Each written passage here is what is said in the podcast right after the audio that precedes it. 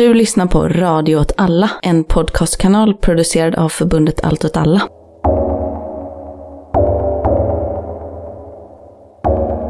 Hej välkomna till Rörelse Udda krig och perspektiv. med mig Martin Och med mig Myran. och våra två gäster från eh, Radio åt allas podd Rekreation. Ja. Jaha, jag trodde jag var här i egenskap av Välkommen till Malmö. Och att vi skulle prata om, prata om kanske kronprinsens historia eller något Ja, sånt. det, blir, det skulle vi kunna göra. Det är väl Det gamla väldigt- husar, eh, gamla regement, Ja, husarregement, regementsbyggnaden. Det är varför det heter Ja. Regementsgatan där. Exakt. Så Men, vi tar det istället. Vi, men- vi, ska vi köra, vi, vi, ja, det är ju hästar, så det är inte riktigt min grej. Men det är ju eh, massakern i Klågerup. Alltså, jag märker nu när jag drog det här skämtet att jag kan ingenting om det här. Så Du kan jag, inte jag någonting om måste det? backa. Men jag Jag, jag lärde mig en sak, jag heter Martin också från poddreaktion, men jag lärde mig en sak av, eh, av Martin när jag flyttade hit. Och det är ju att eh, Malmö slott, på tal om militära byggnader Mm. i Malmö, har ju kanonerna riktade in mot stan. Jaha. Istället för utåt, för att man, var, man ville ju liksom ja, döda halvland, skåningar helt enkelt. Ja. Man var mer rädda för dem än för dansken. Och det är också att Det jag kanon, eh, kanontornen, alltså skott, Mm. gluggarna så att säga, de går ju också längs med gatorna som är utanför. Och det är därför parken är bevarad också. Mm. För att det är ju liksom ett, ett, eh, ett Ett skjutfält Ja. liksom helt enkelt utanför slottet. Var skyddsvall antar jag Ja. från början, eller? Ja, men, obehagligt. nej, men alltså, man hö- höll ju parker för att det var ju en öppen yta så man inte kunde komma fram direkt till, eh, till slottet. Okej, men då, eh, vi, vi kastar det här andra. Vi skulle prata så kör vi bara Malmö istället. Det är ju vall, vi har ju vallgraven. Ehm, Jag kan ju också säga att jag har hört att det du just säger nu är en myt. Aha. Kanske eh, pooper. ett lite mer uppländskt perspektiv på frågan då att det... Men det är väl också så att det är danskarna som bygger det. Och att de förväntar ju inte sig att svenskan ska komma från havet. Nej. Utan, Ah.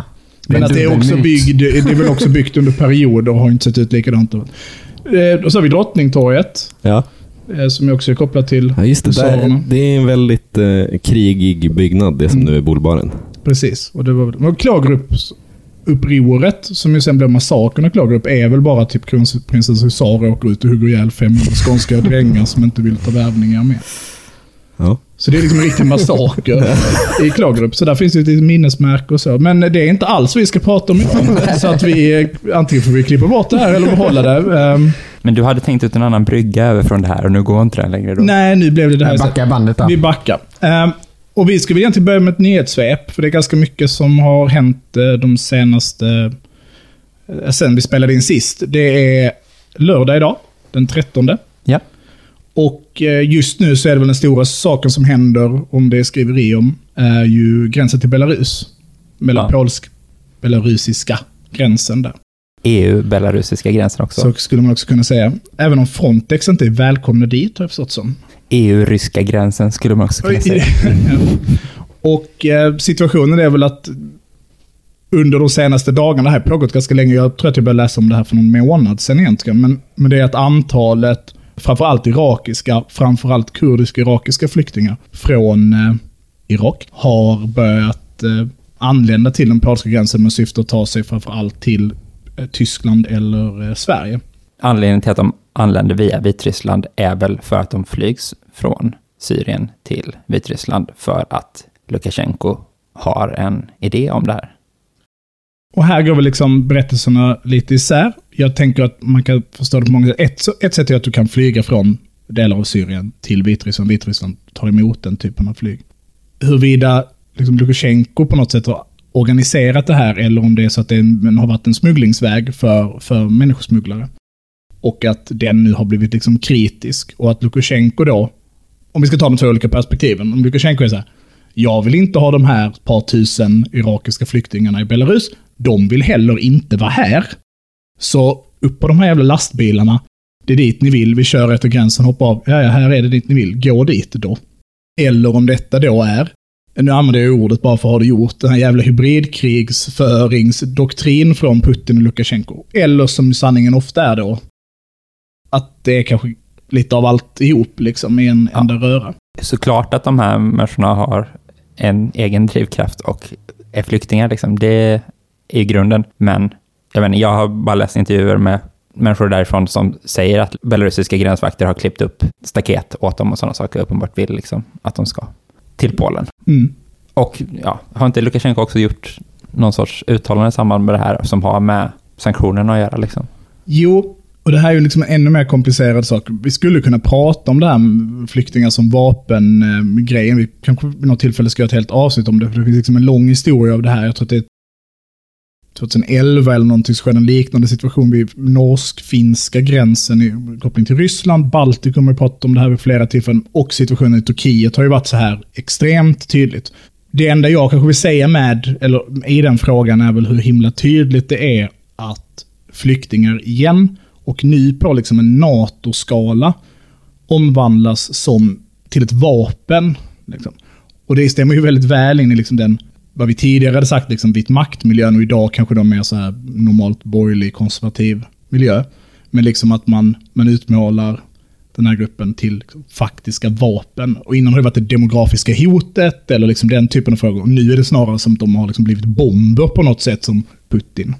Vi kommer komma in på det här mer när vi diskuterar det vi ska diskutera, men det finns ju teorier kring just flyktingen som ett, eh, eller flyktingströmmar som ett nutida uppror. Mm. Just eh, typ om man tittar på de sydamerikanska karavanerna, där det känns mer som att all EU-politik är bortspolad till förmån för att det är liksom en mer eller mindre organiserad karavan helt enkelt Mm. genom stora delar av Sydamerika som liksom med ibland våldsamma metoder tar sig fram till amerikanska gränsen för att ta sig in i USA som någon form av exodus eller flykt från liksom livet i, i sina ursprungsländer. Man kan tänka sig, så precis som ni säger, att det är, att det är i de här exemplen som är i Vitryssland, så att det är en kombination av alla de här olika sakerna. Det är både en inneboende längtan till något bättre liksom hos den flyktingen, men det kan också användas som ett, ett vapen mot EU. Eller sådär. Så det är, ja. Men, men det är den här gränsen, alltså Belarus, Polen, det är där folk har dött. Liksom. Alltså så svält Ja. ihjäl och sånt. Mm. Men det har ju pågått jätte- jättelänge. Vad, vad är det nya? Jag tror att det är mängden människor som är det nya. Mm. Och att både att Polen har aktiverat liksom delar av sina krigslagar, men också att Belarus gränsvakter och förband har varit liksom synligare i den här processen än tidigare. Alltså nu ser man ju Mm. dem. Liksom. Det är reguljära förband som är vid gränsen och så till. Och det är väl för att massan har ökat. För att det har varit precis som det var 2015. Att det sker liksom en Mm. uppbyggnad och först så kommer det liksom sipprande. De första att liksom påbörja den resan. Och sen så liksom ju längre de kommer ju fler människor är det. Fan det finns en väg här. Och sen så och framförallt så först så kommer ju en ganska stark grupp eh, av liksom unga män som har, har förmågan och sen, alltså nu är det ju mycket barn och kvinnor och så där som jag har haft betydligt svårare och de brukar ju komma lite senare i den processen.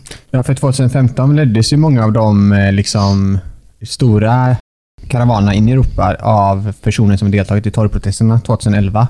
Och om det är många typ irakiska kurder nu så kan man ju tänka sig att de också har ett, en politisk erfarenhet av kamp på ett annat sätt än, eh, än andra i, den, i samma situation. Liksom. Och de uttalar sig också själva, återigen jag har bara sett några intervjuer så, men där man säger så, okej, EU vill inte ha så här, men norra Irak är fucked up för att Barzani, hur säger man? Mm. Eh, Vad sanning. Mm. eh, klanen bara förstör allting, det är ett gangstervälde där. Ni kan ju bara fixa det så kan vi med glädje liksom stanna hemma liksom. Men den internationella politiken har liksom satt scenen för hur paj det är och det är liksom uppenbart då ett politiskt uttalande liksom Mm. om amerikansk politik i Irak och så liksom. Mm. Ja, och västerländsk. Alltså det är där Ja. svenskarna har varit. Och det, är liksom...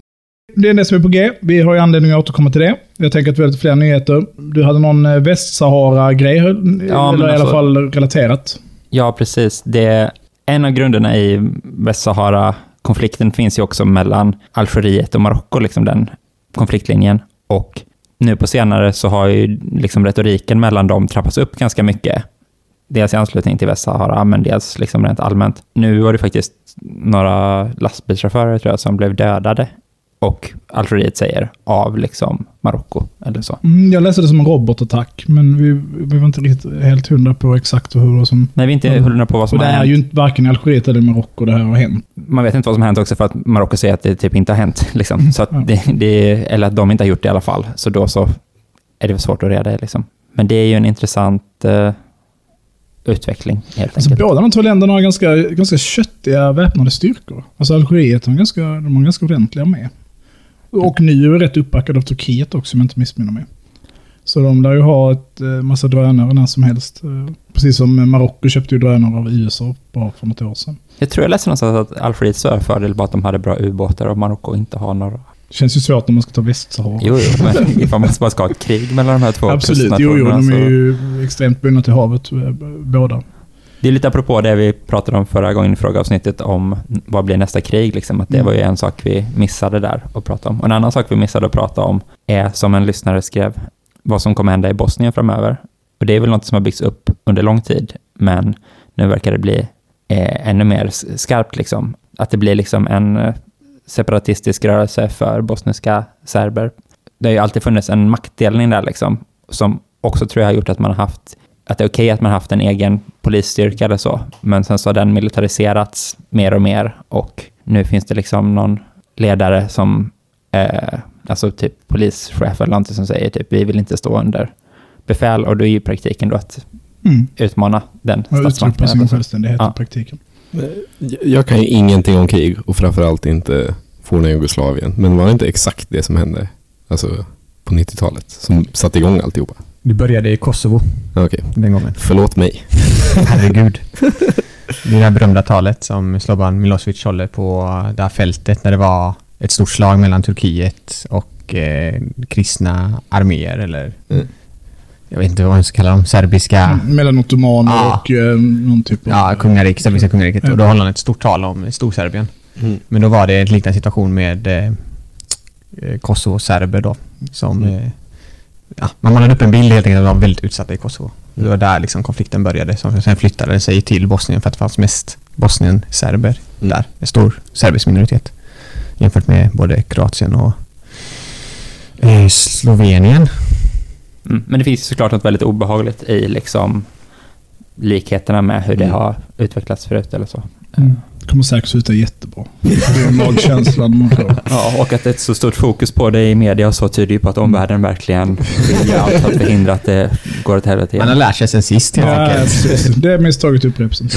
Får jag, får jag bryta in i ert nyhetssvep? Ja, visst. det, det, på. det finns ju en nyhet som är väldigt just nu och som är lite relaterat till ert mest poppis avsnitt, om jag minns rätt. Och det är ju att Kyle Rittenhouse i USA Mhm. alltså, står i åtal. Alltså, det är en kille som gick, åkte, korsade linje, så statsgränser till den lilla staden Kenosha där det var så upplopp och demonstrationer under så Black Lives Matters. Och så åkte han dit, fick ett AR-15-gevär i handen av någon kompis. Sen gick han och bara sköt två personer.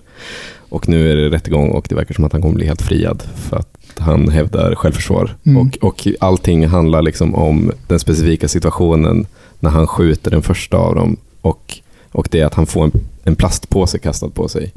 Och, och då menar ju alla vittnen är så, han fick en plastpåse kastad på sig för att han siktade ett gevär mot killen som kastade plastpå, Mm. plastpåsen. Liksom. Men, men eh, allt vad det verkar är att han kommer bli friad. Jag tror också att han kommer bli friad. Jag tror han kommer bli friad på grund av USAs väldigt frikostiga nödvärnsregler och Mm. rasism. Det. Ehm, men men han, han, ehm, det finns ganska mycket filmmaterial. Jag tycker ganska mycket av det är vad man eh, normalt sett eh, liksom, eh, Mm. friar folk på i nödvärn. Jag tror däremot att han kommer bli dömd för någonting annat. Jag tror till exempel att han kommer bli dömd för att han har fört ett eh, skjutvapen över dessas gränser. Mm. Det jag sa om att han fick geväret på plats, det kan vara en lögn. Det är hans försvar tror jag. Ja, så för, för, för att rädda honom från att han då... Ja. Ehm, men nödvärnen tror jag han kommer att klara sig på. Men det, det är ju intressant, apropå liksom Black Lives Matters-vågen, Mm. liksom, att, att det nu på något sätt tar sig ett riktigt makabert liksom, uttryck i, i sluttampen, eller så i efterskalven. Ja, verkligen. Och eh, vad ett frikännande av honom kan få för effekter för rörelsen i Ja. fråga om nya protester till exempel. Man hade ju bara kunnat tänka sig ett kanske ett friskare samhälle att ta ett gevär och åka till en demonstration. I sig borde göra att man inte kunde åber- åberopa nödvärnsrätten. Liksom. Och medan så hade det varit så att han hade bott där Mm. och det hände i hans trädgård, då kanske man mer hade kunnat diskutera någon eventuell... Nu är jag ju också frispråkande för ganska frikostig nödvärnsrätt. Men, eh, men han har ju någonstans tagit sig Ja. dit. Alltså det är helt... Men det, det är så sjukt också med alla demonstrationer i USA som man har sett så på, på, på internet. Det är att folk har så jävla mycket vapen ofta, Mm. men de används i väldigt liten utsträckning. Alltså just skjutvapen i alla fall. Knivar och sånt har man ju Det- hört mycket om. Men just att folk skjuter inte så mycket Nej. i förhållande till hur, mycket jävla vapen de har med sig ibland. Men det tänker jag också det gör det här exemplet lite speciellt. Att det Mm. just är så här var det någon som faktiskt gjorde det alla poserade och låtsades som Mm. att de var Mm. beredda att göra. Liksom. Är det okej? Och jag tänker att många som ser det är så wow, what the fuck, det här är inte okej. Du kan ju inte åka till en pågående upplopp och bara panga folk. Liksom. Det är ju terrorism. Men förvånansvärt lite då, som, Mm. som du då säger Martin, att det är förvånansvärt lite det har skett vid tanke på hur mycket retorik det har varit Mm. runt det. Och Mm. USA är ju annars, alltså, unga vita män är ganska känsliga för att kunna avkoda vad som är snack och vad som Mm. inte är det. Men också när man sett en sån random liksom pro-Trump-demonstration av Proud Boys eller typ någon Antifa-demonstration så går ju folk... Alltså det är inte så att de bara har med sig någon gammal pistol från 40-talet utan de har ju liksom på något sätt kläder som i alla fall ska ge Mm. sken av att de är militärt utbildade. De rör sig ibland som militära kommandostyrkor. Mm. De är ganska så här, smällfeta ofta och så här, dålig figur och så men, men det är ändå någon, alltså det är ändå intressant att det är sån jävla hög liksom, vad ska man säga? Svansföringen är, är, är väldigt eh, militär. Bildlig, men det är liksom, också ja. billig retorik. Mm. De säger inte vi ska skjuta skallen av er, men de visar ju det på något sätt. Men de gör det inte. Det är ganska Men- intressant. Det är ju, en- eh, innan vi går vidare från det här så är det väl också en gammal grej att när någon har liksom en AR-15 med eh, liksom eh, Gucci-gear, så här någon utbytt framstock och något rödpunktssikte. En. Counter-Strike-grej. Ja, då är ju inte det ett vapen du faktiskt tänker använda. Det är Nej. som att det kostar 50-60 papp liksom. Medan om någon har kommer med en gammal revolver från 40-talet. Det är minst business på något sätt. Förstår ni hur jag menar? Att det, är liksom, det här är ju unga killar som, som de flesta av dem har väl helt vanliga kneg. Fattar hur mycket av deras pengar de här vapnen är då? Alltid är det inte så, men man har ju verkligen sett folk på demonstrationer med vapen som är så Fan du, det är ju insats till ett hus liksom. Fan. Mycket lån. Ja, mycket lån liksom. Ja. Eh, mycket tid och mycket ensamhet. För när han eh, Tiny från Proud Boys Portland Mm. blev skjuten i foten. Fan vad du har koll på det här. Det är sjukligt Martin. Ja, jag vet vilken situation Ja. det är. Då är ju snacket att han först sköt sig själv, men det är inte sant. Han blev ju skjuten av någon liksom. Men då blev han ju skjuten också av något ganska dåligt handeldvapen. Som man då tänker att han, den personen tog med sig det till Ja, en personen 22 för att eller kunna- något sånt liksom. Det Ja. var en riktigt billig pistol. Ja, för att liksom. kunna skjuta någon helt enkelt. Så det, det, det är ju... Och slänga vapnet alltså. Det Ja, har han inte precis. sagt än, men det är det Nej. är underförstått. Ja, Ja, exakt. Jo, men eller få det beslagtaget. Eller liksom bara förlora Ja. det generellt. Och att du aldrig mer, det kan liksom inte visas upp igen för då kan du knytas. För det, vapnen blir också en identifikationsfaktor. Att har du massa liksom Mm. custom made skit på din bössa så berättar ju den också vem du är. Och Så här, jag tror du har lagt upp bilder på den här bössan någon annanstans också. Liksom. Så, så slutsatsen är, om du går på demonstration i Sverige och dyker upp ett gäng med väldigt dyra vapen, var Så är inte det- så rädd. nej. Skit i det. Men om bara de kommer med så här med riktigt gamla tjeckiska revolvrar liksom, då, då är det dags att springa. Men jag tänker mycket på det med de här musikvideorna då. För Ja. vi har ju, då har vi situationen att det jag hade tyckt att det var... Nu är inte jag målgruppen här ska jag säga. Så att jag, ni, om man lyssnar, jag vet inte, Red 12 Line år. Records eller någonting så här. Så behöver ni inte liksom så, tänka att ni ska anpassa det efter mig. Men att någon är liksom, har en Glock 19 i handen är ju mindre gangster än att de har liksom en Makarov så här. Mm. För det ena är faktiskt ett vapen som du mördar människor med för att du har köpt den för 500 spänn. Ja, det var bara nyligen som det var något mord och sen så hittade man en Den här laddad. flickan Ja. som väl sköts vid bensinmacken dök väl upp i en musikvideo sen. Det- Mm. Den bössan identifierades via en... vill jag minnas. Nu släpper vi det. Eh, men, eh, nu pajar ni bryggan här lite genom att börja prata om, eh, prata om USA. Vi pratade om Kosovo.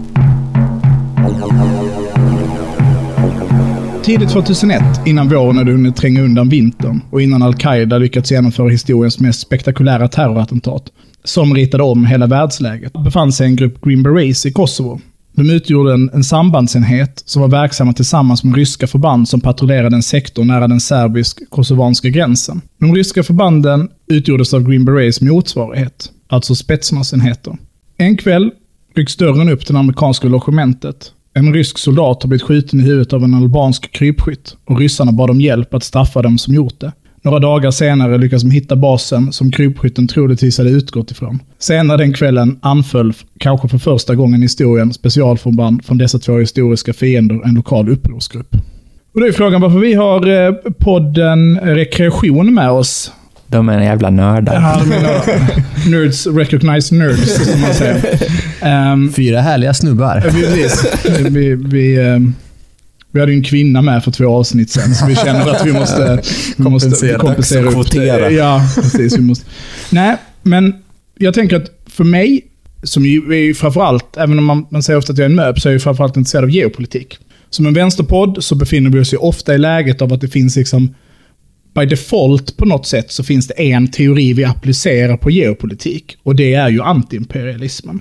Och den känns ju som att den har stått historiskt ganska oemotsagd på något sätt inom vänstern. Och- Och vi, man ser ju rötterna och spåren av den liksom i nästan allting. Det är liksom bara förhållningssätt till USA, fokus på USA, idéer om USA, undanlåtenhet gentemot Ryssland i vissa frågor, eller Kina för den delen. Alltså ryggmärgsreflexen på något sätt är att USA är onda, eh, alla andra är därför, Mindre onda. ja, och lite ursäktade på något sätt.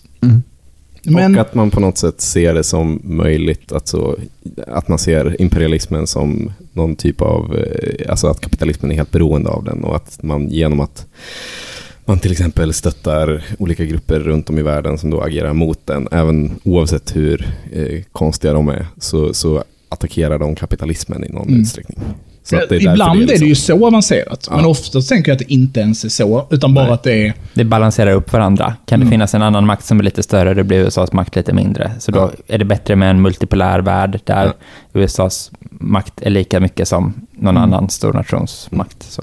Men också att det, tänk att det finns också så mycket i vänsterns DNA så att det sipprar ner också på någon form av mikronivå. När man närmar sig politiska frågor som vänsteraktivist tänker man ju antiimperialistiskt i den bemärkelsen att man bara vilka här kan bilda en stor enhetsfront mot Mm. den här stora fienden? Just det. Och den här stora fienden kan antingen vara kommunen eller USA. Liksom. Mm. Men just att, att man ändå... Att den antiimperialistiska idétraditionen är så djup liksom, förankrad i vänsterns liksom, förståelse av, av omvärlden även på eh, den mest banala nivån. På något sätt. Ja, och tar sig bitvis också uttryck i någon form av rasism. Mm. Alltså att, att idén om att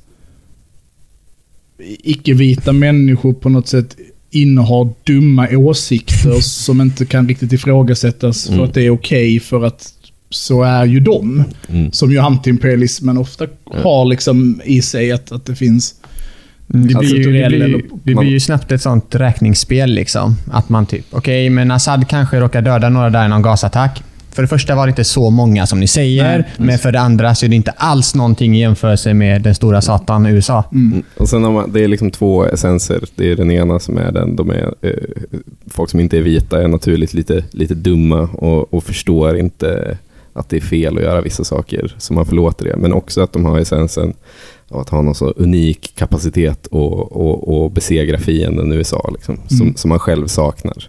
Alltså, så det är väl, den saknar man verkligen känner jag. ja, jag känner det varje dag. Väldigt ofta. Jag är helt resignerat.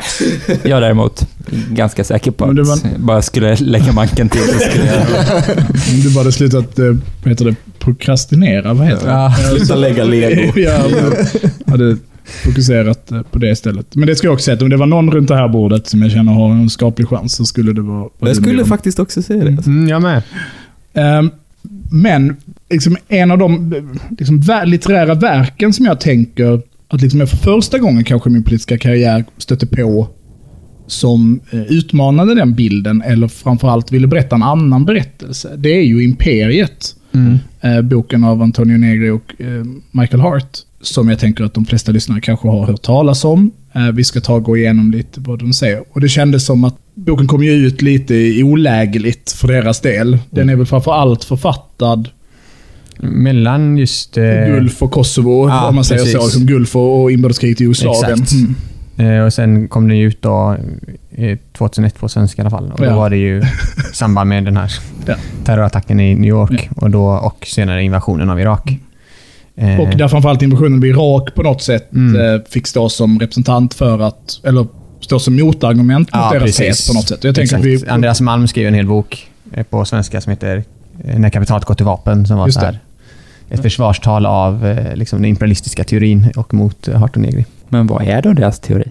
Ja, ska säga då att för ni, om vi hade ju börjat V-logga istället så hade ni nu sett Martin öppna en stor eh, läggare här på bordet med eh, pilar i. jag har eh, pilar. Jag har boken iPad med mig, en iPad med mig. Jag har också en artikel. Mm. Att- Men jag, först så ska man väl också så benä, benämna att, att boken handlar, är ju inte skriven om krig. Nej, alltså, precis. den, är ju, den är absolut ett svar på den specifika situationen.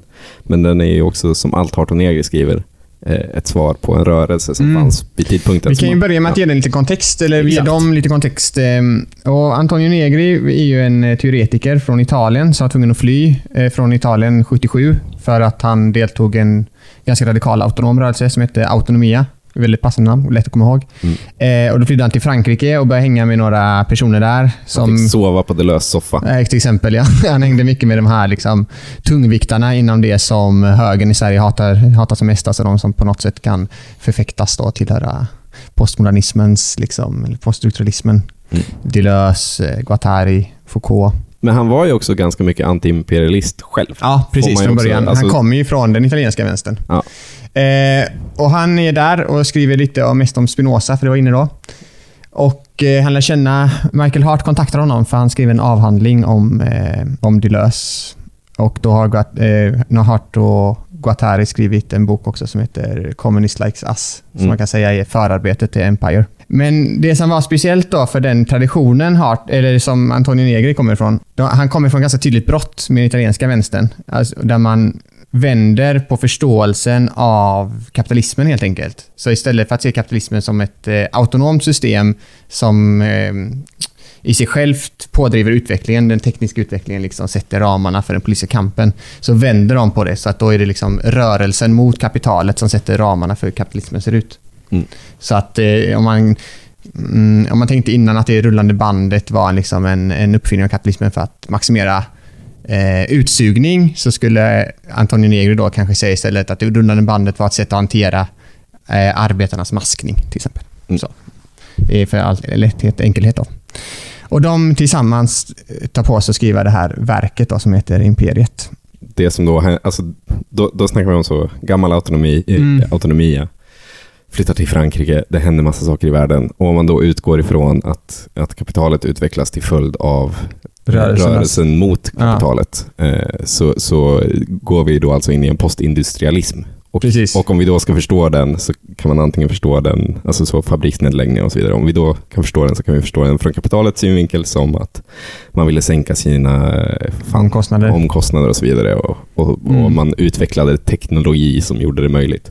Och från, från det andra perspektivet, alltså det, det perspektiven går egentligen inte mot varandra utan det är bara två sätt att se på samma Mm. process. Liksom. Och det andra perspektivet skulle då vara att till exempel se fabriksförflyttningar till Kina som, som ett svar på arbetarkamp i Fiat-fabrikerna i Italien. Till Mm. exempel.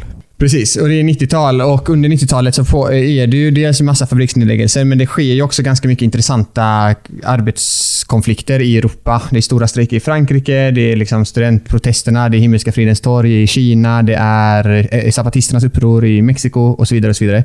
Det är massa sådana rörelser. Eh, Och De här rörelserna har lite gemensamt att de ställer sig mot någonting som de menar på är en eh, liksom globalisering av kapitalismen. Mm. Och det som Hart och Negri vill göra då, det är väl att försöka förstå den politiska eh, nya formationen som växer fram på grund av de här rörelserna. Mm. Och Det som är också speciellt med 90-talet är ju att det är sorgåren, alltså det efter Sovjetunionens eh, eh, har försvunnit. Liksom. RIP.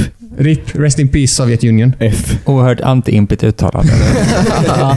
jag, kan inte, jag är född inom vänstern, liksom, kan inte hjälpa det. Ja, alltså jag tänker att det är, är en grej. Man kan ju riffa hur mycket som helst om anti-imp, men när du, när du säger att, att man har det i sitt DNA så är det ju också bara sant. Man har det. eh, och det, det är väl lite därför man kan vara så kritisk mot det. Är Ja. Just för att det, det är att självspäka. Liksom. Ja, ja, visst. Så är det ju. För menar jag läst det för det här avsnittet, så är det så. Fan vad länge sedan det här var. det var ett. Och den andra är, för fan vad enkla böcker jag läser annars. Det var den andra. Nu tänkte jag framförallt på artiklar, men även jag Ja. slog, vi kommer komma till det sen, men jag, jag bläddrade ju lite i Imperiet hemma också. Och då kan det ju vara att jag sitter och läser om raketbränsle liksom. och hur den... Och det kan jag ju inget, jag, jag är ju verkligen, jag är skitdålig på fysik och kemi. Men det här var fruktansvärt jobbigt. Och den andra kommentaren liksom på Sov- Sovjetunionens grejen så är det ju så. Alltså, det är så jävla kodat i en. Mm. Den här liksom konstiga kär, hatkärleken till Sovjet. Liksom, att, ja, men om, om de ska vara så här, men ranka 10 favoritvapensystem. Ja, de är ju sovjetiska allihopa. Liksom. Det är liksom ingen diskussion om det. Och, och vad jag faktiskt kan saker om är oftast bara postsovjetiska eller sovjetiska. Det som sker när Sovjetunionen eh, fa- faller då, enligt de här, men kan man också köpa på något sätt, det är ju att oavsett vad man tycker om Sovjetunionen och hur hemskt det var. Liksom, det var ju en liksom, byråkratisk eh, mardröm liksom, där, där ingen mådde bra. På Mm. många sätt. Det var jävligt trist Det stämning. var i jävligt trist stämning. alltså. Liksom, man fick inte lyssna på punk och ha Levi's jeans. Liksom. Men Folk hade Levi's Och- jeans på en svartklubb. Ja. Fan vad hemskt att behöva gå på svartklubb för att ha på sig jeans. Det var också kapitalism. Ja, precis. Det var någon typ av kapitalism. Eh, men det som är med Sovjetunionen är att de fungerar ju också som ett, ett hot och ett löfte. Alltså, Sovjetunionens vapenarsenal och det kalla kriget som sker är ju också eh, alltid ett hot för liksom, de styrande i väst om vad som skulle kunna ske. Vilket gör att de vänsterrörelser som agerar, den traditionella arbetarrörelsen kan alltid liksom inte direkt säga det, men peka ändå på, på Sovjet. Ni, om ni inte går med på det här så kommer det bli sådär. Mm.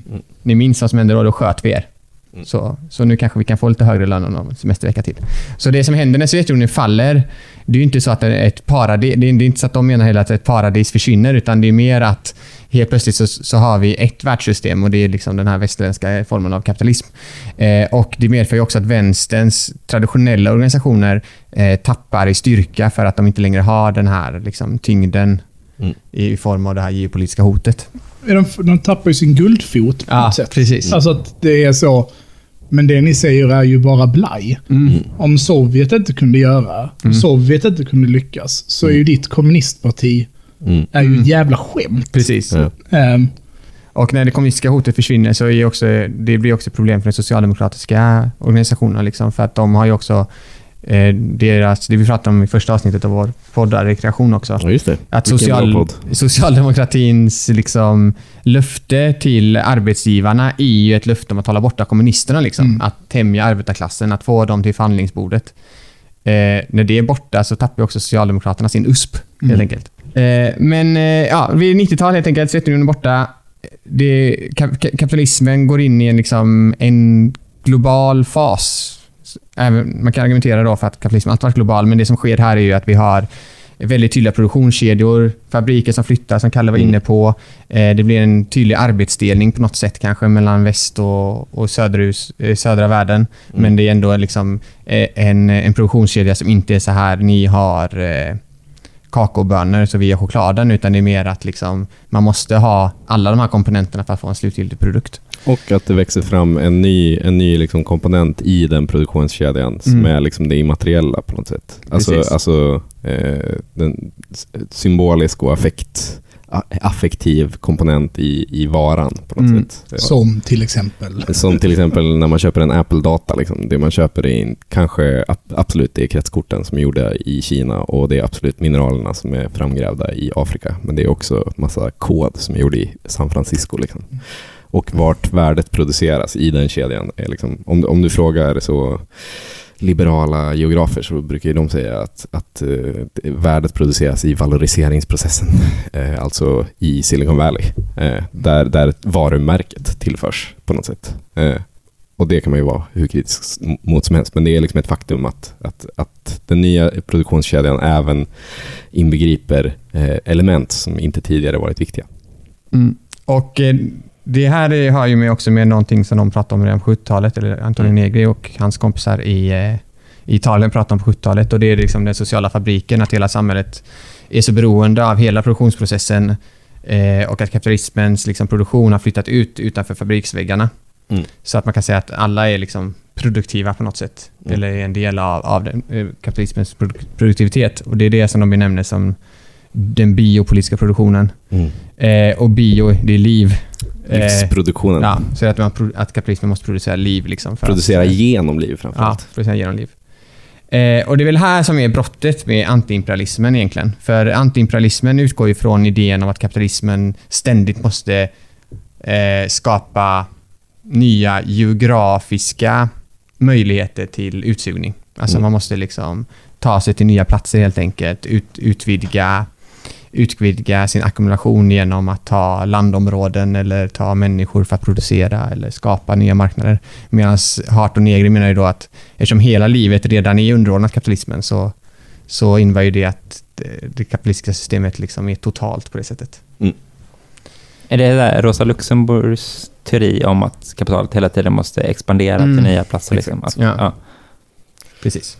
Och det är väl det som är liksom det marxistiska brottet här med eh, antiimperialismen. Mm.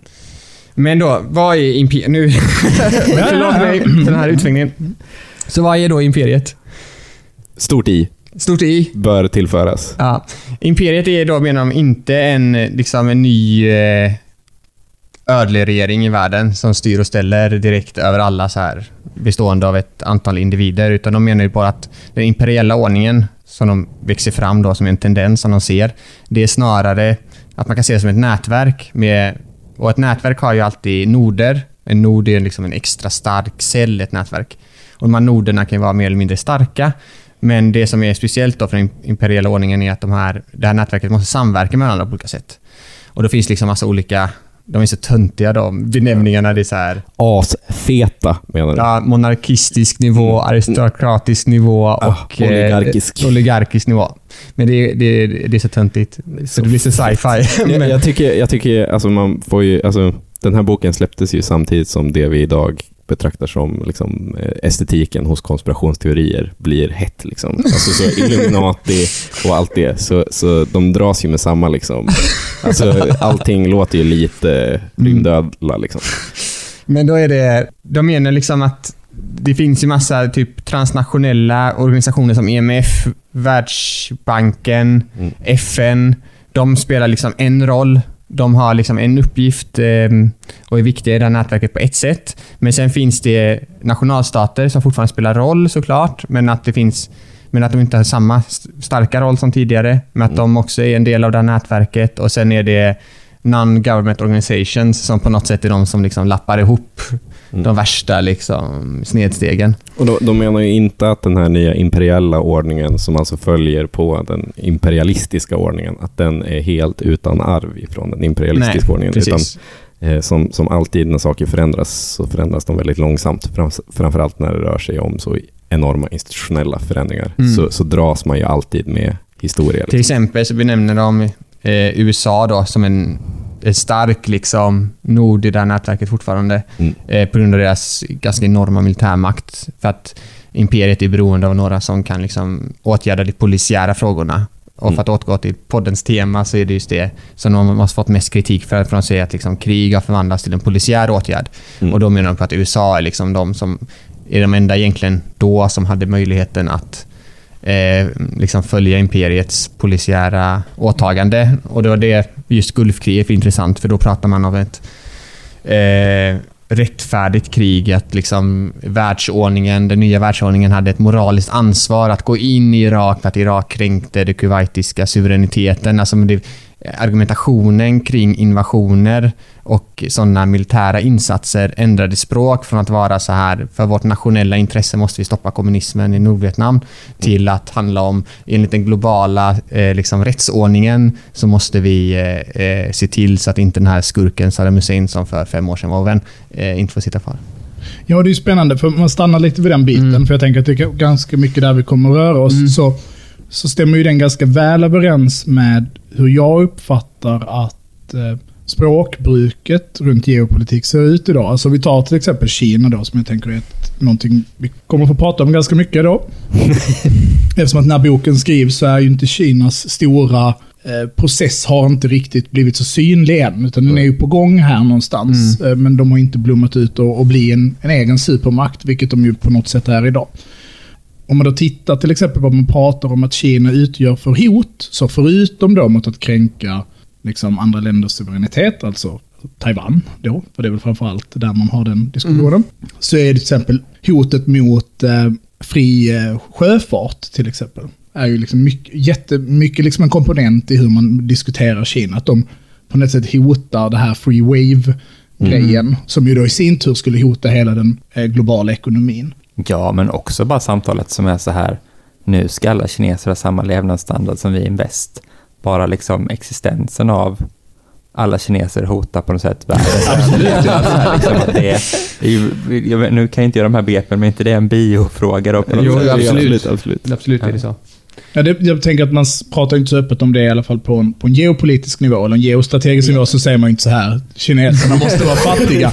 Men implicit så, så är det ju såklart så att Kina utgör ju ett hot för att om de uppnår vår levnadsstandard, så är de en miljard människor. Ja. Och bara, inte bara då att de är en miljard människor som släpper ut koldioxid eller ska, så, så är de också en miljard människor som kan konsumera Mm. som, och på så sätt hotar den västerländska ekonomin. Men i imperiet, någonstans så måste de ju då mena att den här, det här imperiet utgår från väst. Att det är här noderna är. Nej. De starka noderna. Nej, precis. För det är det här som blir Nej, det, precis. det exakt. känsliga. Nej, men, ja, det, det är ju det här som alla blir arga över. Men det, det, det man menar då... Dit ska vi.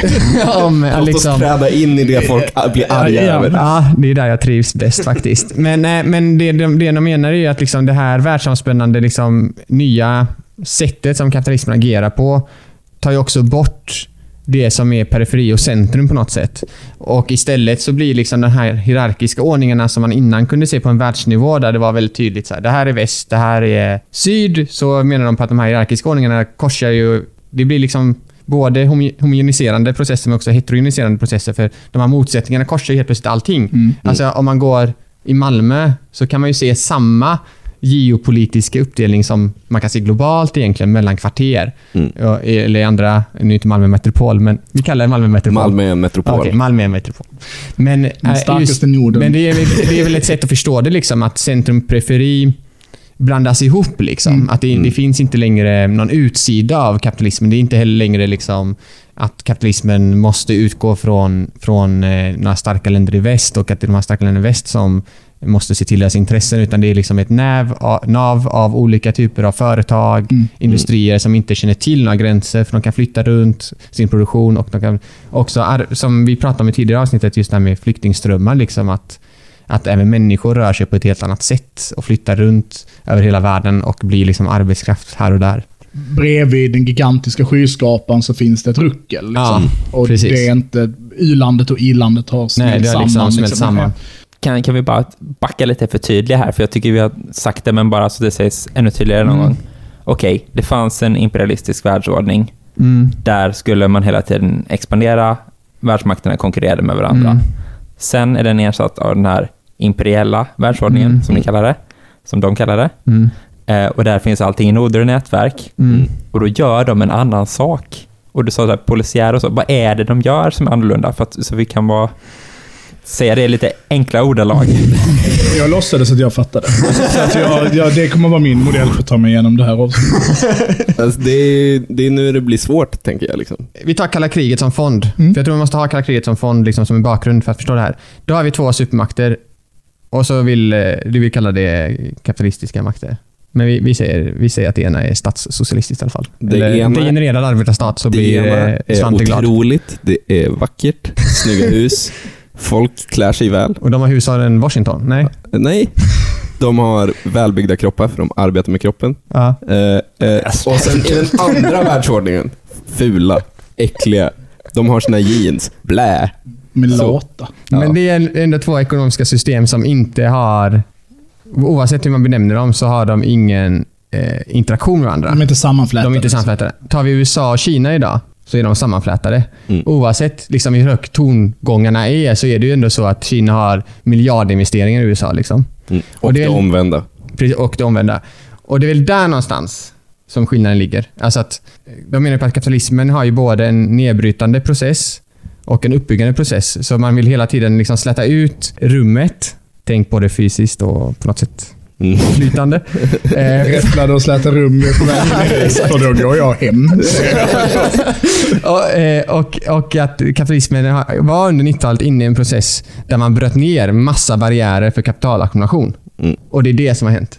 Och det skiljer mot imperialismen, för imperialismen var mer så här, vi, vi tar oss hit, vi suger ut det här landet på det här, exakt det, det här liksom eh, speciella, vad det nu kan vara. Råvaran eller? Råvaran. råvara eller en tillgång till arbetskraft Ja. eller en, en marknad. Men nu har det liksom flyttat ihop.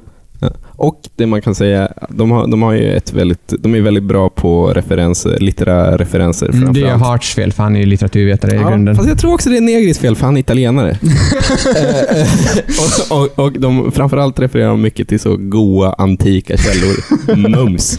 Eh, Men då, då har de ett exempel från någon farbror som bodde i Grekland typ 200 efter Kristus eller före Kristus. Emil blundar nu och tar sig för pannan. Ingen bryr sig. med, med, med, som, som då ska, så, han är en så tidig historiker. Eh, hade, hade, jag, hade jag kunnat någonting så hade jag vetat vem det här var och, och vilken period det var. Det gör jag inte. Men han är så tidig, tidig historiker. En av de första som liksom gjorde vetenskap av historia. Eh, och han, han ska försöka förstå liksom vad som skiljer eh, eh, eh, romarna eh, från, från resten. Varför går det så jävla bra för Rom just nu? Eh, och, och vad har det för historiska skäl? Och då, då, då pekar han på att så, i alla de här länderna som, de, som romarna konkurrerar med så finns det ett styrelseskick. Det, det är en monarki, det styrs av en kung. Eh, en transcendent makt som bara eh, ser till så att alla sköter sig. Sen har vi i, i någon grekisk stad så har vi demokrati, där, där, folk, eh, där folk fattar rationella beslut genom allmänt intellekt på något sätt. Alltså att, man, att de bästa besluten fattas eh, gemensamt. Och, och, och sen finns det något mellanläge som är den här oligarkin, alltså där, där det är utvalda eller så högt uppsatta som fattar de gemensamma besluten. Det som Rom gör så fantastiskt är att de har alla dessa komponenter på samma gång. Mm. Det är liksom en mosaik av styrelseskick. Och på samma sätt kan vi förstå imperiet, att imperiet är inte, där imperialismen var, var eh, ett styrelseskick som utövade makt över andra, så, eh, och, och konkurrerade med varandra om vilket som skulle vinna den kampen. Liksom. Så är, är imperiet är istället den här mosaiken, det här nätet och väven av styrelseskick. Och det är det som gör den så effektiv. Att, att, Le lever imperialismen i imperiet? ja, det lever ju kvar rester såklart. Mm. Alltså eh, institutionaliserade intressen och så vidare. Eh, och, och den tar i sig såklart uttryck, alltså när, när du får ett gevär siktat mot huvudet så kommer geväret se likadant ut idag som det gjorde då. Liksom. Bokstavligt. Fast lite. Gucci ibland. ja, ja, men Förutom alltså, i så- USA. Och kanske byggt på fyra olika platser. Ja, alltså, ja, exakt. Det tycker jag är relevant. Att, eh, Mm. att det absolut, det tar sig ju uttryck som är liknande, men liknande är inte detsamma. Liksom. Det här är ju jättekomplext. Om vi kan bara stanna där. Jag tänker också att i folks huvuden så var världen mindre sammanflätad förr än vad den är idag. Eh, Just kalla kriget är en lite speciell tidsperiod på det sättet, för där är det ganska vattentäta skott på många platser och, och ställen. Liksom. Mm. Ehm, Men just det här med att komponenterna är gjorda på olika... Alltså, det här är ju den här klassiska andra världskriget-historien. Alltså där det skickas pengar, licenspengar mellan Tyskland och USA. Mm. Samtidigt som de befinner sig i totalt krig mot varandra för att förinta varandras existens. Och att det, men visst, idag kan man ju tänka att just i vapenmarknaden då är det ju verkligen till sin extrem. Alltså där Ryssland och Turkiet befinner sig i, inte en direkt militär konfrontation, men i alla fall i liksom ett aktivt hotande Mm. geopolitisk fråga. Samtidigt handlar toppmoderna vapensystem med varandra parallellt i, alltså som i att de här sfärerna är helt ur led med varandra. Alltså att de, de, eh, nu refererar jag till eh, Empire 20 years on. Mm. Alltså en, en artikel vi har läst inför det här avsnittet som på något sätt, eh, ja, vad hände sen-artikeln, Mm. eller om man ska säga. Och det är ju väldigt tydligt idag. Alltså att var produceras finoptik till amerikanska spionsatelliter? Är det inte omöjligt att de görs i Kina till exempel? Mm. Som sen ska användas för att spionera på Kina. Vi, just, det- För just, fett alltså. Ja, det, och, och just då till eh, Antimpa som lyssnar så tänker jag att ett jättetydligt exempel på det här, ehm, om just hur sammanflätat det är, och just att tänka med brottet med Sovjet och huruvida Kina är det nya Sovjet eller inte, så kan man ju ta det att man har ju det här uigur-situationen i Xiang-provinsen, tror jag man uttalar det. Men att Eric Prince, alltså, som kanske mest är känd som skaparen av Blackwater, är anlitad av kinesiska staten för att vara konsult i hur man ska pacificera den här regionen.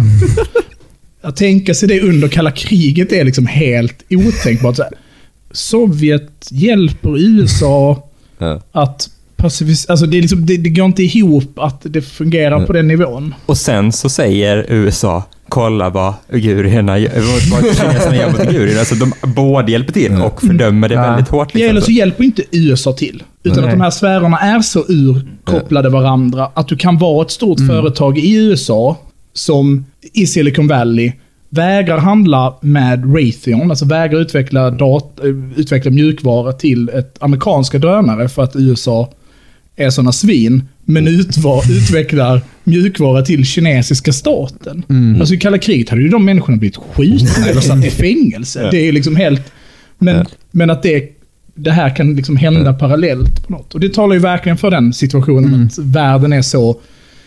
Världen existerar i, i liksom stratum i Mm. sig själv på något sätt. Och, och det, är de, det är väl viktigt att det är också ett försvar de alltid tar till alla sina teorier. Ja, det är så jävla fett. När- Jag, när- jag gör mig redo När nu. de eh, liksom eh, får kritik så... För det är ju alltid så här att man kan, ett argument som, som man alltid använder mot allting man inte gillar är ju att man hittar detaljer och säger man allt är som det alltid har varit. Men de menar, Tråkigt. som fan. Det kan man ju tycka. Men de menar ju på att det här är liksom en... Då när de skriver det här, som var ju... Det här är ju början av 90-talet de skriver det här egentligen. Mm.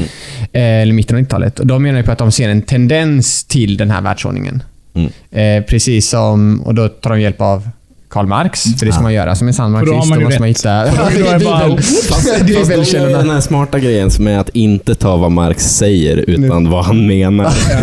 vad han gör. Det är ännu Och det jag menar, menar på att det som var storheten med Marx var inte så mycket hans teori i sig, utan att han kunde liksom hitta en tendens till ett annat ekonomiskt system. Och Då pekar man på det här klassiska då, att arbetarklassen i världen var minimal egentligen, när Karl Marx skrev Kapitalet.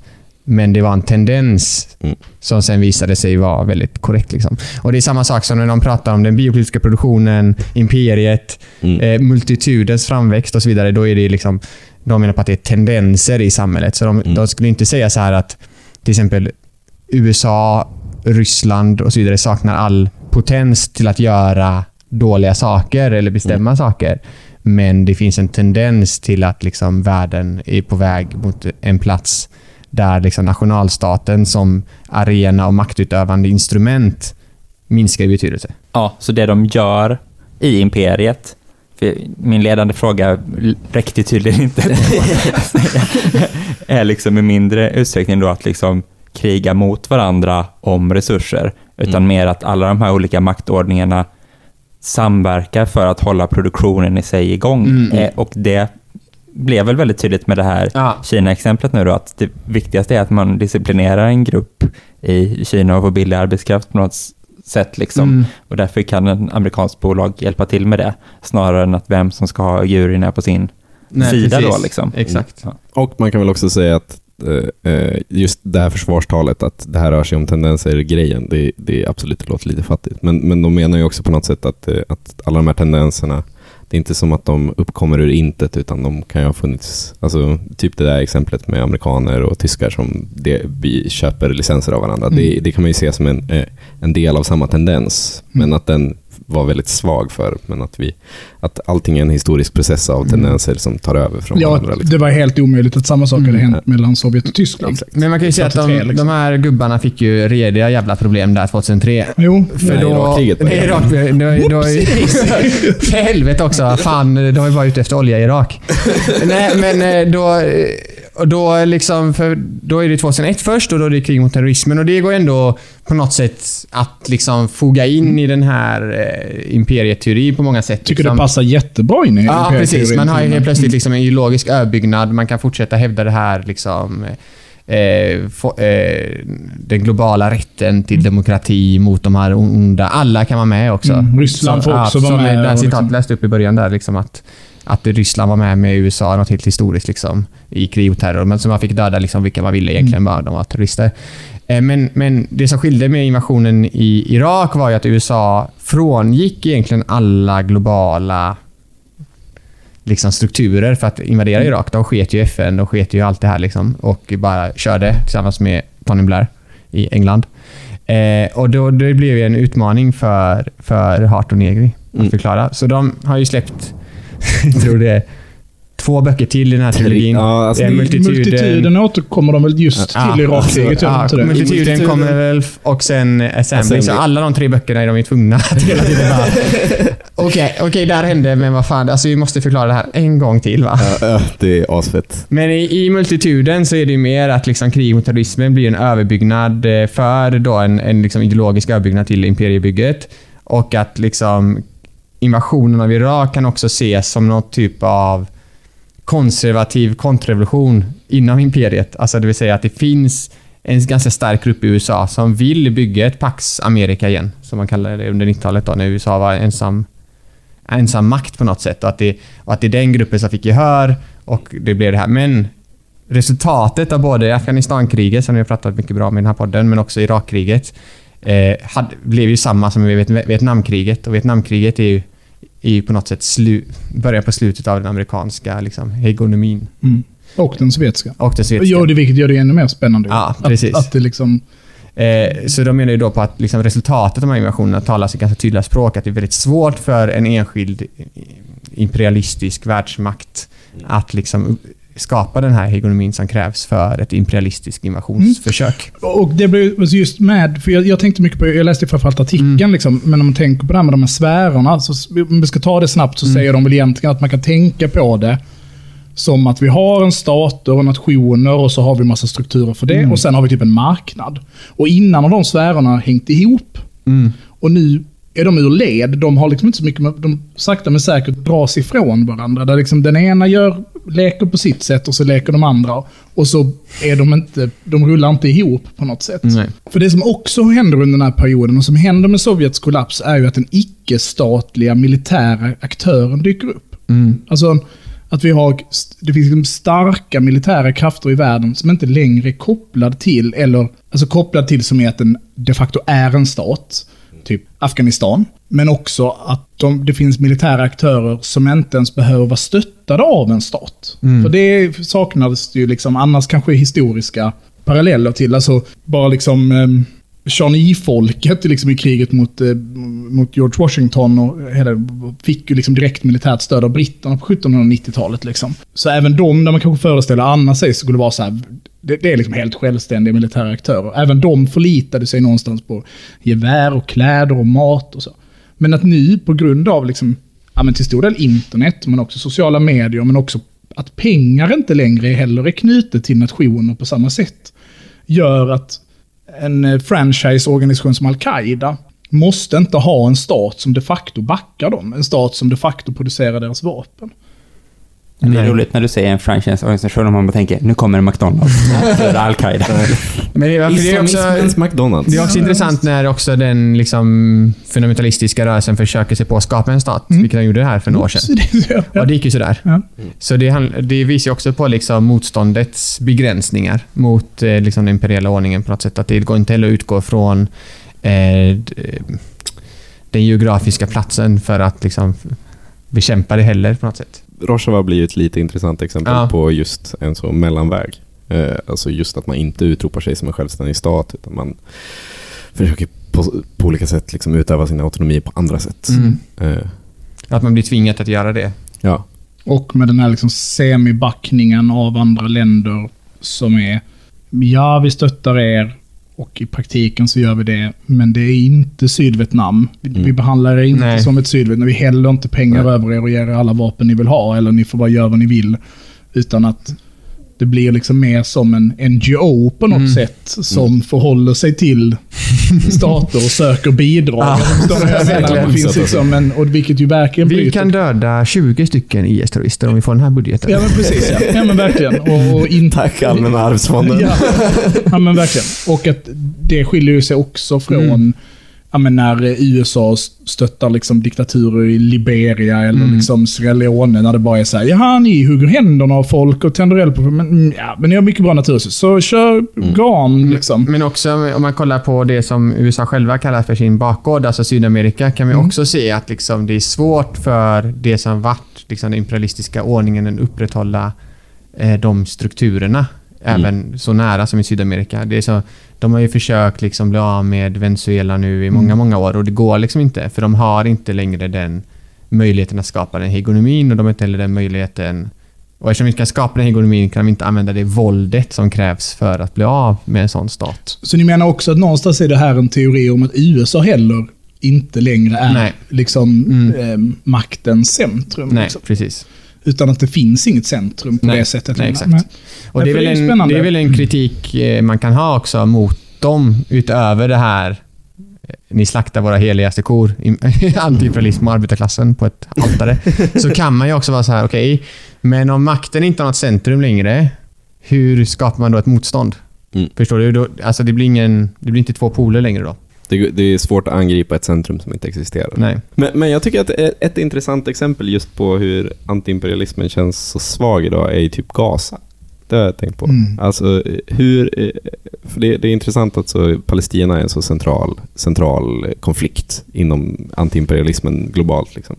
Men, men hur passar Gaza in i imperialismen? Vad är det imperialistiska projektet i att hålla Gaza i ett enormt fängelse? Frå, från perspektivet av liksom att, det, att det rör sig om en imperiell makt som bara eh, vill utöva kontroll över sin befolkning och ser, ser människor som, som inte tillför någonting till det. Eh, som, som bara, vad ska man säga, alltså så flyktingar eh, och, de, och folk i Gaza till exempel, men, och uigurer i Kina Mm. och så vidare. Alltså att det, det, det är skitsamma vad som händer med dem, för de, de deltar inte i de produktiva processerna.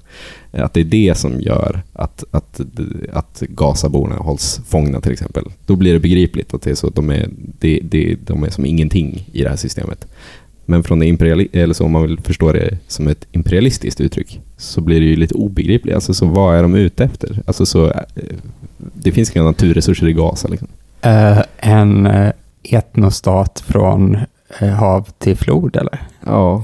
En bosättare. Alltså det skulle Ja. väl, ifall, nu är ju jag motsatsen till det här, men ifall jag ska iklämma mig rollen av att vara Ja. antiimperialisten i rummet, Ja. då hade jag besvarat det. Att, det, att israeliska staten är ett projekt, bosättarprojekt som bara ska ta mycket land. Liksom, så här, typ. Ja. Och därför försöker man driva bort den palestinska befolkningen. Vad, vad skulle Vad är, det, vad är det imperialistiska projektet i det? Det låter ju bara, alltså det låter ju... Ja, men det är mer Det mycket mer kolonialt. Ja. Mm. Och det är ju någonting annat. Liksom. Alltså, så om man vill förstå imperialismen så förstår man ju imperialismen som ett ekonomiskt Mm, att system. man ökar sin kapitalackumulation Exakt. att liksom... Nej, det blir väl Eh, mer att man tänker det som något rasistiskt kolonialt Ja, system. Nästan. Det låter ju som... Så man- nå- så är det ju. Så, det, Så man kan nästan säga att det kanske har någonting med ordet bio att göra. Åh nej, oj vad dåliga argumenten är. Livsfällan som jag kallar, vi negre killar kallar den. Jag, jag ger mig, ni hade rätt. nej, nej, men alltså jag, tycker, jag tycker ändå det är ett intressant exempel. Bara för att, för att det, det på något sätt pekar på just hur imperialismen, alltså att förstå det globala systemet, ekonomiska systemet som imperialistiskt blir lite obegripligt. Medan om vi, om vi istället då skalar bort det och är så att det rör sig om rasism och det rör sig om bara, eh, att man inte har någon respekt för människoliv. Det är någonting annat. Men, men jag tänker, utan att fastna i Palestina, så tänker jag väl att om man då ska prata om rester på olika sätt, Ja, det är klart. så, så är det väl att, att eh, Palestina hamnar i den väldigt specifika symboliska punkten i konflikt mot panarabismen, som ju var ett direkt antikolonialt projekt på många sätt.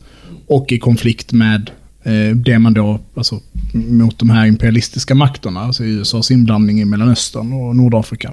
Nu är ju detta en superkomplicerad historia, så att vi behöver inte gå in och diskutera den så i detalj, men man kan väl i enkelhet säga att, att den antiimperialistiska modellen av att Israel är liksom en imperialistisk skapelse för att bryta upp den här panarabismen då, eller liksom det är därför det blir viktigt att stödja dem, för att de är liksom en blockerare eller begränsare av förmågan att eh, den arabiska världen ska på något sätt ena sig och inte lyda under, under de imperialistiska makterna. Så är det väl ur det perspektivet man ska förstå eh, kränkningen av palestinierna, att, eller liksom fängslandet eller förföljelsen av palestinierna. Om de får vinna, Mm. då kan ni vinna på andra platser också. Mm. För så Mm. tänker jag att det förstås mer. Jag kanske var mer inne på någon sorts eh, woke eh, vänsterförklaring då med, Jag tyckte den höll. se där. Nej, men det är därför, för jag menar att om, jag bara missförstår mig rätt, att om hela världen hade varit så. Israel är typ en skurkstat, som Liberia. De gör dumma grejer, men de har typ lite resurser, så de handlar med oss, så vi skiter i vad de gör för dumma grejer. Men så är ju, inte- så är ju inte situationen med Israel. Det är ju inte att resten av världen bara är så här. Israel, vad är det för land? Det har jag hört talas om. Gör de elaka? Alltså, för så har det ju varit, framförallt på den afrikanska kontinenten, så har det ju mer varit så. Alltså att Mm.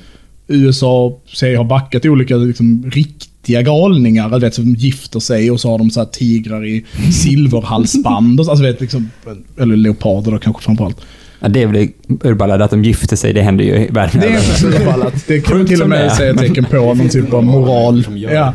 Eh, nej, men, men att man bara inte har någon aning. Men att Israel och, och situationen i Israel och situationen i Palestina skiljer sig på så sätt att hela världen har tittat och så har det därför blivit symboliskt viktigt. Mm. För det är klart att i Gaza så finns det ju ingen, det är ingen naturresurs som ska användas.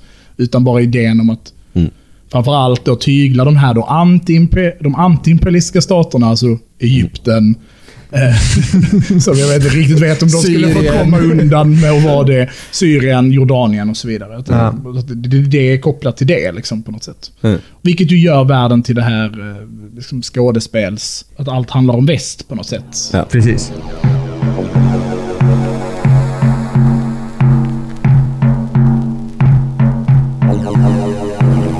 Ja, det här blir ju nog första delen tror jag, av det här avsnittet. Så vi har ju inte kommit så långt. Ehm, så vi kommer ju köra vidare nästa vecka också. Eller så släpper vi det här som ett dubbel... Jag tror det här får bli två veckors avsnitt. Det tror jag också. Ja. Det finns mycket matnyttigt här.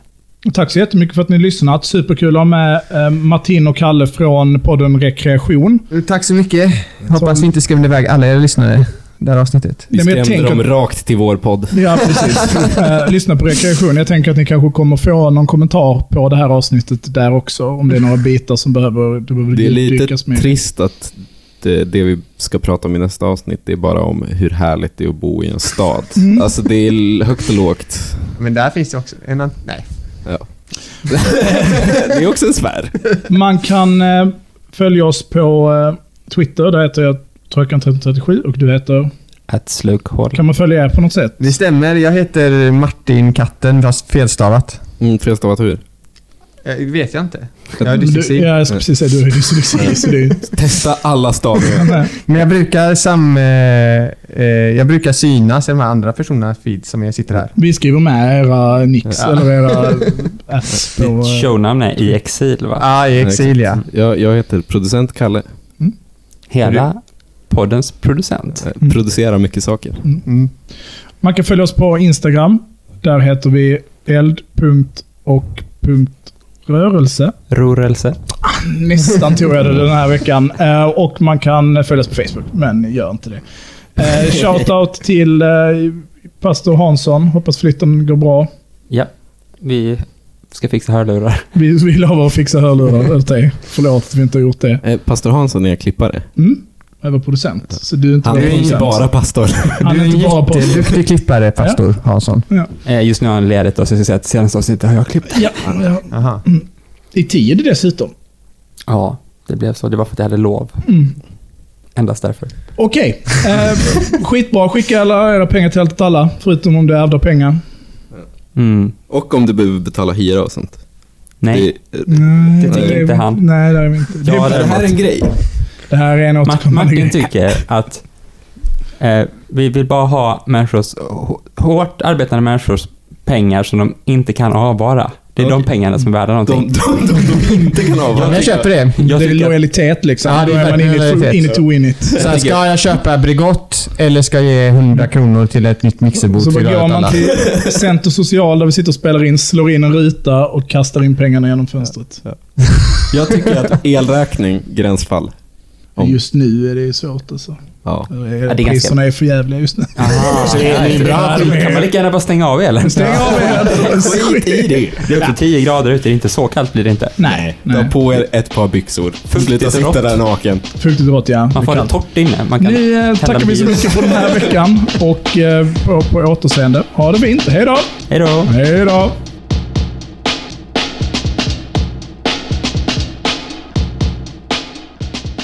Förstörde vi er podd nu? Nej. Nej. Men det här är jättebra. Det här är vi ska vi koka kaffe nu och sen så kör vi en timme till. Hur pausar jag det här nu? Jag bara trycker Trycker räck. på den jättestora röda knappen.